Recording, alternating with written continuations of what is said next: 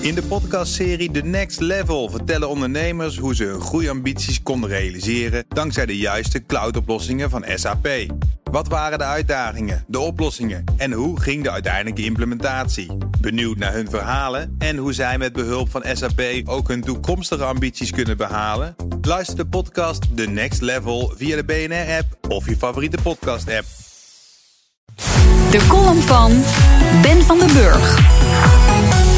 Iedere week luidt iemand anders een noodklok over het gebrek aan technisch personeel. Afgelopen week was het de topman van Albers Industries, Wim Pelsma. Zijn oplossing: maken technisch onderwijs gratis. Velen vonden het een prima idee, anderen schudden het hoofd. En ondertussen belandde ik in zo'n kansloos debatje. Zo'n debatje dat je kent van onze politici. Mensen praten tegen elkaar en niet met elkaar. Het debat ging over de stelling: programmeren moet een verplicht vak op de basisschool worden. We hebben immers in de toekomst technisch geschoolde mensen nodig. Mijn primaire gedachte: nee, hè. Niet weer die oude koe uit de sloot halen. Is dat nog steeds geen verplicht vak? Wat hebben de onderwijsinstellingen de afgelopen jaren gedaan? Waarom duurt het zo lang dat er, voordat er een voor de hand liggende beslissing genomen wordt? Wat een koekenbakkers. Je moet echter serieus blijven, intelligent kijken en de voor's en tegens van de stelling netjes in overweging nemen. Je kunt je namelijk afvragen of programmeren wel het goede vak is. De computertaal PHP zou over 20 jaar wellicht vervangen zijn door een andere taal. Moet het vak niet digitale vaardigheid heten? Dan leer je niet alleen programmeren, je leert ook over computers, social media gebruik, cybersecurity en privacy. Je onderzoekt welk vak moet wijken voor het vak programmeren. Taal, rekenen, handvaardigheid en gymnastiek zijn immers ook belangrijk. Terwijl helemaal niets hoeft te wijken.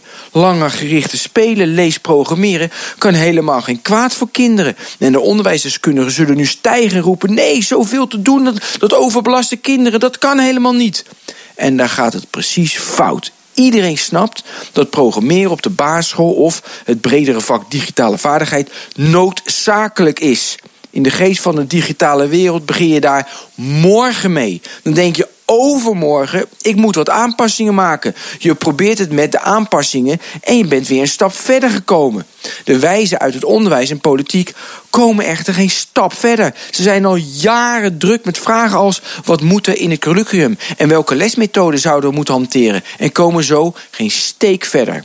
Op mijn timeline zag ik een quote van Confucius. En ik ontvolg altijd direct de mensen die dat soort slijmerij delen. Maar toch onthield ik deze uitspraak.